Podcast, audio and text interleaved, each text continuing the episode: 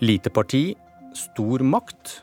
For kommer du på vippen, er det ikke størrelsen det kommer an på. Har KrF nå fått drømmeposisjonen? Eller har de fått et vrient valg som vil holde dem våkne om natta? I serien Nytt borgerlig samarbeid minutt for minutt, velkommen til Politisk kvarter, Ida Lindtveit og Tord Hustveit. Takk for det. Ida Lindtveit, leder i Kristelig Folkepartis eh, Ungdom. Eh, KrF ønsker som kjent en ny regjering uten Frp, men sier dere går i opposisjon hvis det ikke blir noe av. Hvis, hvis dette da ender med et KrF i opposisjon, hva er, hva er fordelene med å ikke ha en samarbeidsavtale med regjeringen? Det vi har pekt på hele veien, er jo den store avstanden til Frp på en rekke politiske områder, som flyktninger, klima, Eh, bioteknologi osv. Eh, og derfor så ønsker man ikke de sterke bindingene til en regjering som Frp sitter i. Eh, og en opposisjonsrolle, spesielt nå med et KrF eh, på vippen, vil jo da innebære at man kan eh, fremme sine egne standpunkt. Man kan stemme for det man er for, mot det man er mot, og være med på å vippe flertallet i Stortinget fra sak til sak. Og hvis det er nødvendig, samarbeide med noen andre partier enn eh, de som er i, i regjering. Hvordan skal KrF hindre at det ikke blir oljeboring i Lofoten, hvis dere ikke har en avtale med regjeringen? Du nevnte klima. Ja, og det er jo eh, de utfordringene som vi sitter i nå. Det er kjempevanskelige vurderinger. Eh, fordi vi har en rekke områder. Det er klima, det er flyktninger, det er eh, bioteknologi som eksempler, der også de mindre partiene står sammen mot de store partiene, og der man i en sånn type opposisjonsrolle også kan risikere at man blir overkjørt, og at Høyre og Frp f.eks. henter flertall med Arbeiderpartiet.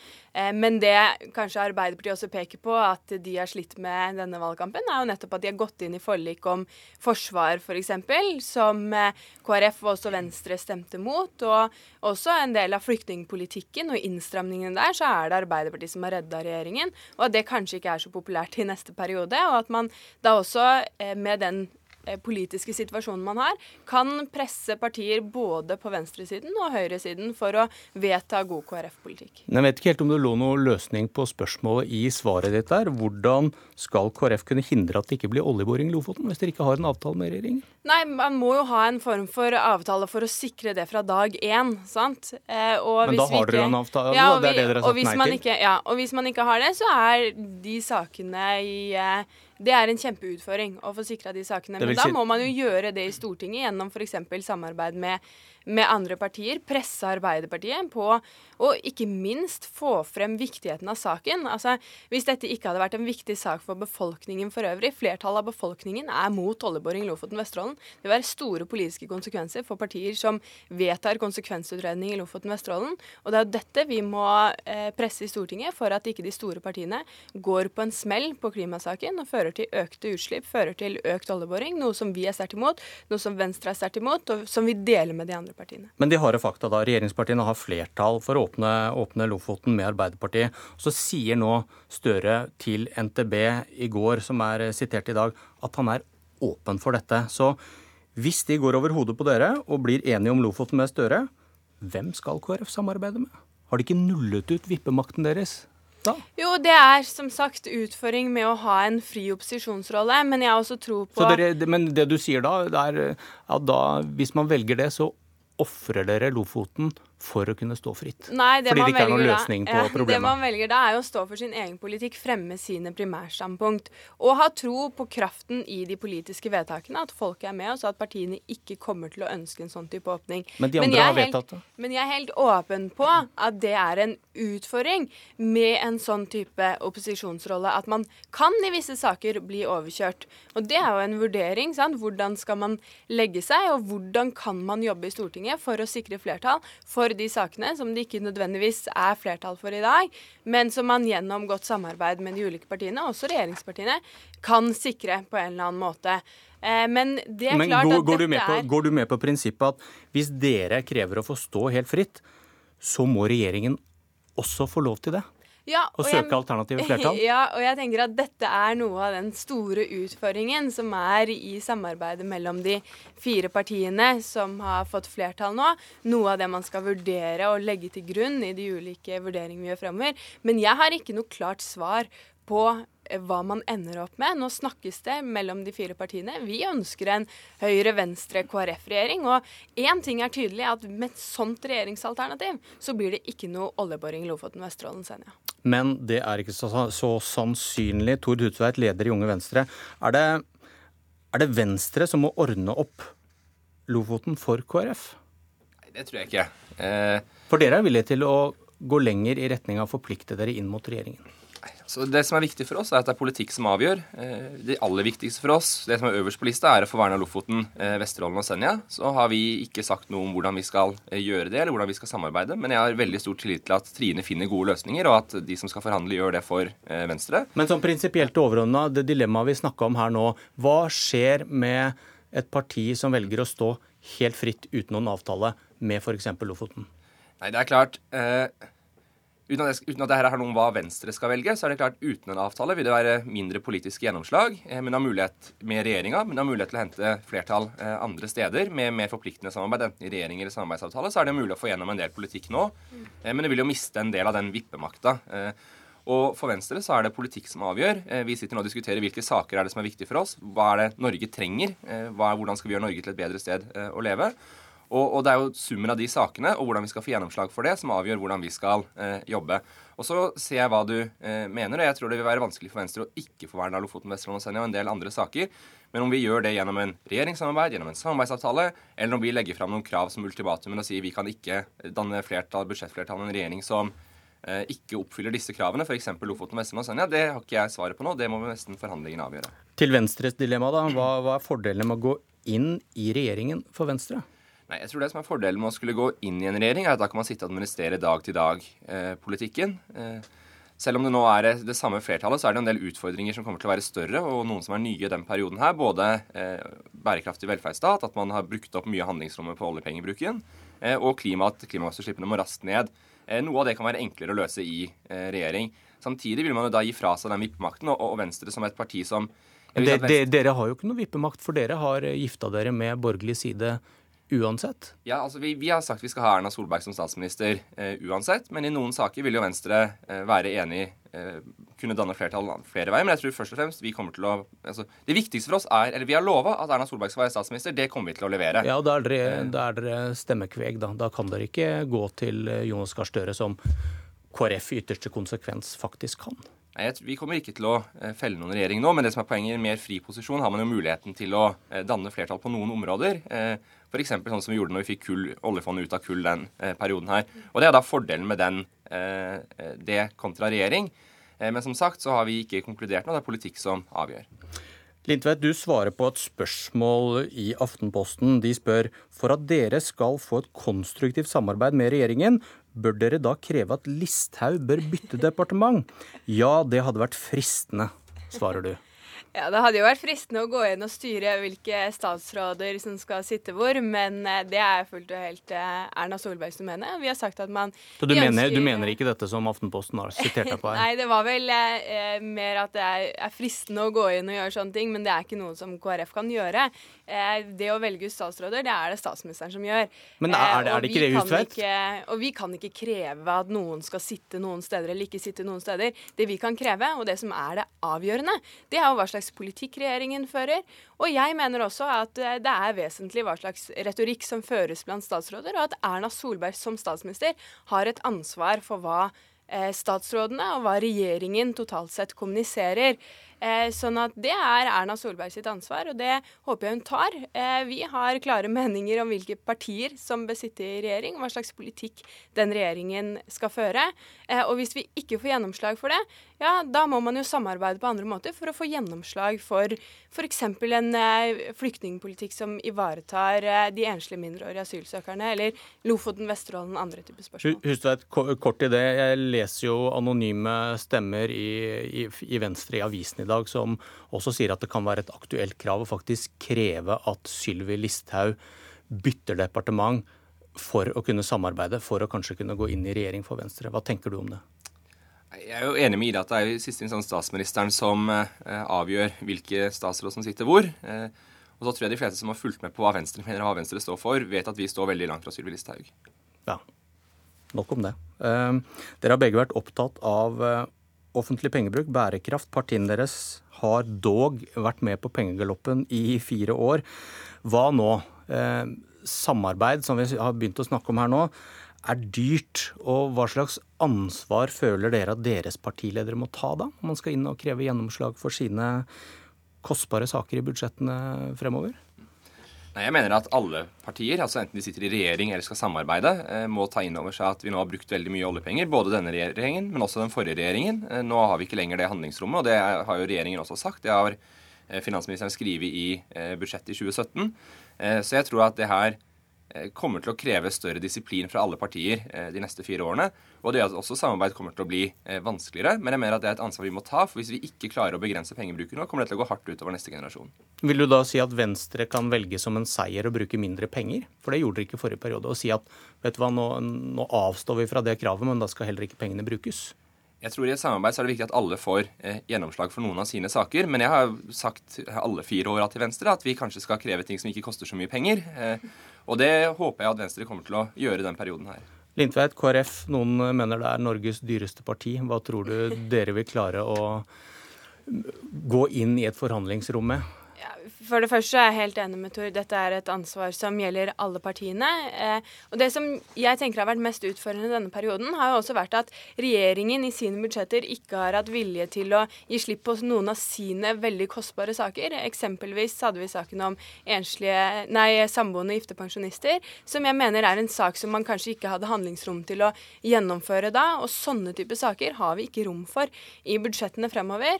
Eh, og man må prioritere annerledes. Så da må også kanskje de som sitter i regjering, også gi slipp på noen av sine saker i forhandlingene. Det er den måten som Altså, vi prioriterer jo bort når vi forhandler mange av våre saker som vi har fått inn i alternativt budsjett, og det må kanskje regjeringen også begynne å gjøre hvis man skal få til godt samarbeid og bruke mindre penger fremover. Det er det helt nødvendig å gjøre, det er alle enig i, men det må man også da fullføre. Lykke til med borgerlig samarbeid, med eller uten avtale med regjeringen.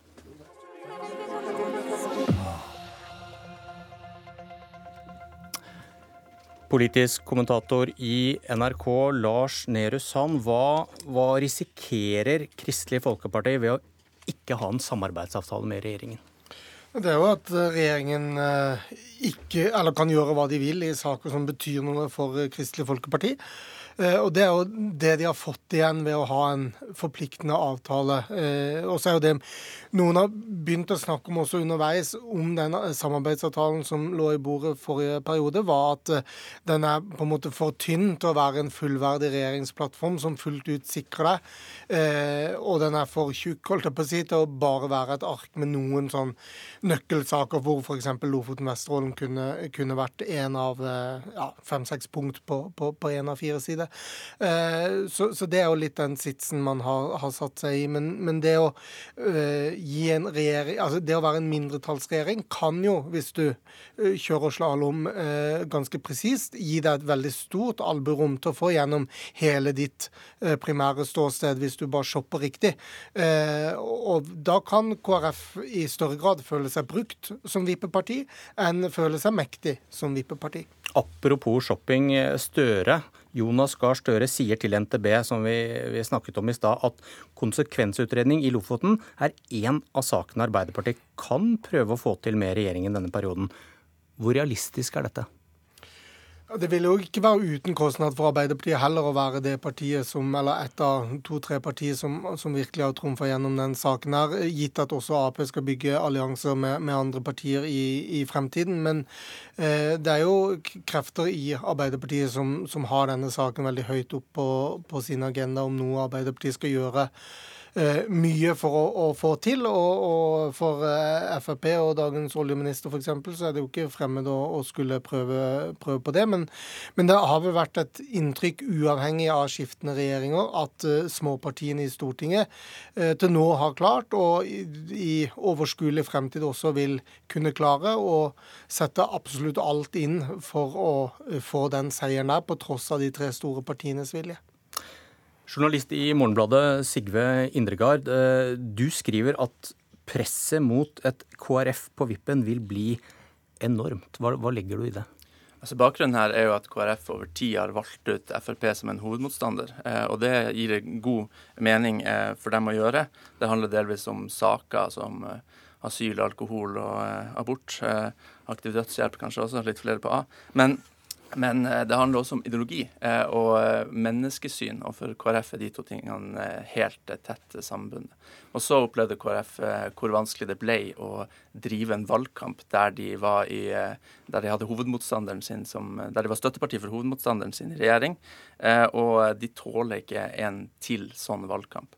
Og Dermed så må de orientere seg på nytt, og da får de da denne posisjonen der de leter etter en mulighet til å komme seg ut. I hvert fall er det deler av KrF som vil gjøre det. Og da kommer den andre sida eh, med sine fristelser. Eh, den syndige sosialistiske sida kommer med disse eh, mulighetene for KrF til å hoppe ut eh, og bryte kraftig med regjeringa. Vi så det allerede i går på den partilederrunden som var da. Eh, trakk Trygve Slagsvold Vedum opp muligheten til å snu om på denne kommunereformen igjen. Eh, og, eh, og det, der, det, var jo en sak der KrF brøyt med den forrige regjeringa, altså med regjeringa i forrige periode. Eh, men nå har flertallet endra seg, og hvis KrF bryter med blokka på høyre side denne gangen, så er det plutselig flertall på Stortinget for det forslaget. Og da og det vil komme en perlerad av den typen saker der KrF kan få muligheten til å markere seg. og det kan potensielt bli mistillitssaker, det kan bli kontrollkomitéhøringer. Det kan være også på mer politiske spørsmål. Men så, skriver du også om, om, grunnfjellet til KrF, at det kan være risikabelt å nettopp gjøre det der å snu seg mot, eh, mot Arbeiderpartiet? Ja, det er klart. Altså, og der står jo striden midt gjennom KrF. De har et grunnfjell som eh, neppe er spesielt eh, interessert i å gi eh, SV f.eks. en hånd på rattet. Eh, hvilken som er liksom den største, den største, skumleste partiet av SV og Frp i KrF sin mytologi, er, er ikke åpenbart. da. Um, og det vil jo være konsekvensen hvis de svekker sin Erna Solbergs regjeringsposisjon. Så vil jo da venstresida nødvendigvis få mer innflytelse. Og det er det mange av velgerne til KrF som er skeptiske til. Men vi, eh, ja. ja. Du, eh, I går i dette studioet så hørte vi tidligere KrF-leder Valgjerd Svarstad Haugland si at KrF må ta en debatt, og så må de ta et valg. Eh, hva taler for at KrF må ta dette valget, Lars Nehru Sand? Det er jo den posisjonen eh, de har hatt denne valgkampen, som har, eh, har eh, splitta partiet internt om, om, hvor riktig, eller hvilket ben man skal stå på i, i eh, spørsmålet om samarbeid mot høyre eller venstre. Og Det har jo helt siden man gjorde dette vedtaket og alle var fornøyd, eh, vært eh, utfordrende for, for, Kristelig Folkeparti. Og alle partier lever med en indre splittelse. vi i Venstre gjør det i forholdet mellom by og, land. innad i partiet Arbeiderpartiet. Arbeiderpartiet gjør det i mange store spørsmål som klima og, og innvandring. Eh, sånn kan man fortsette i veldig mange partier.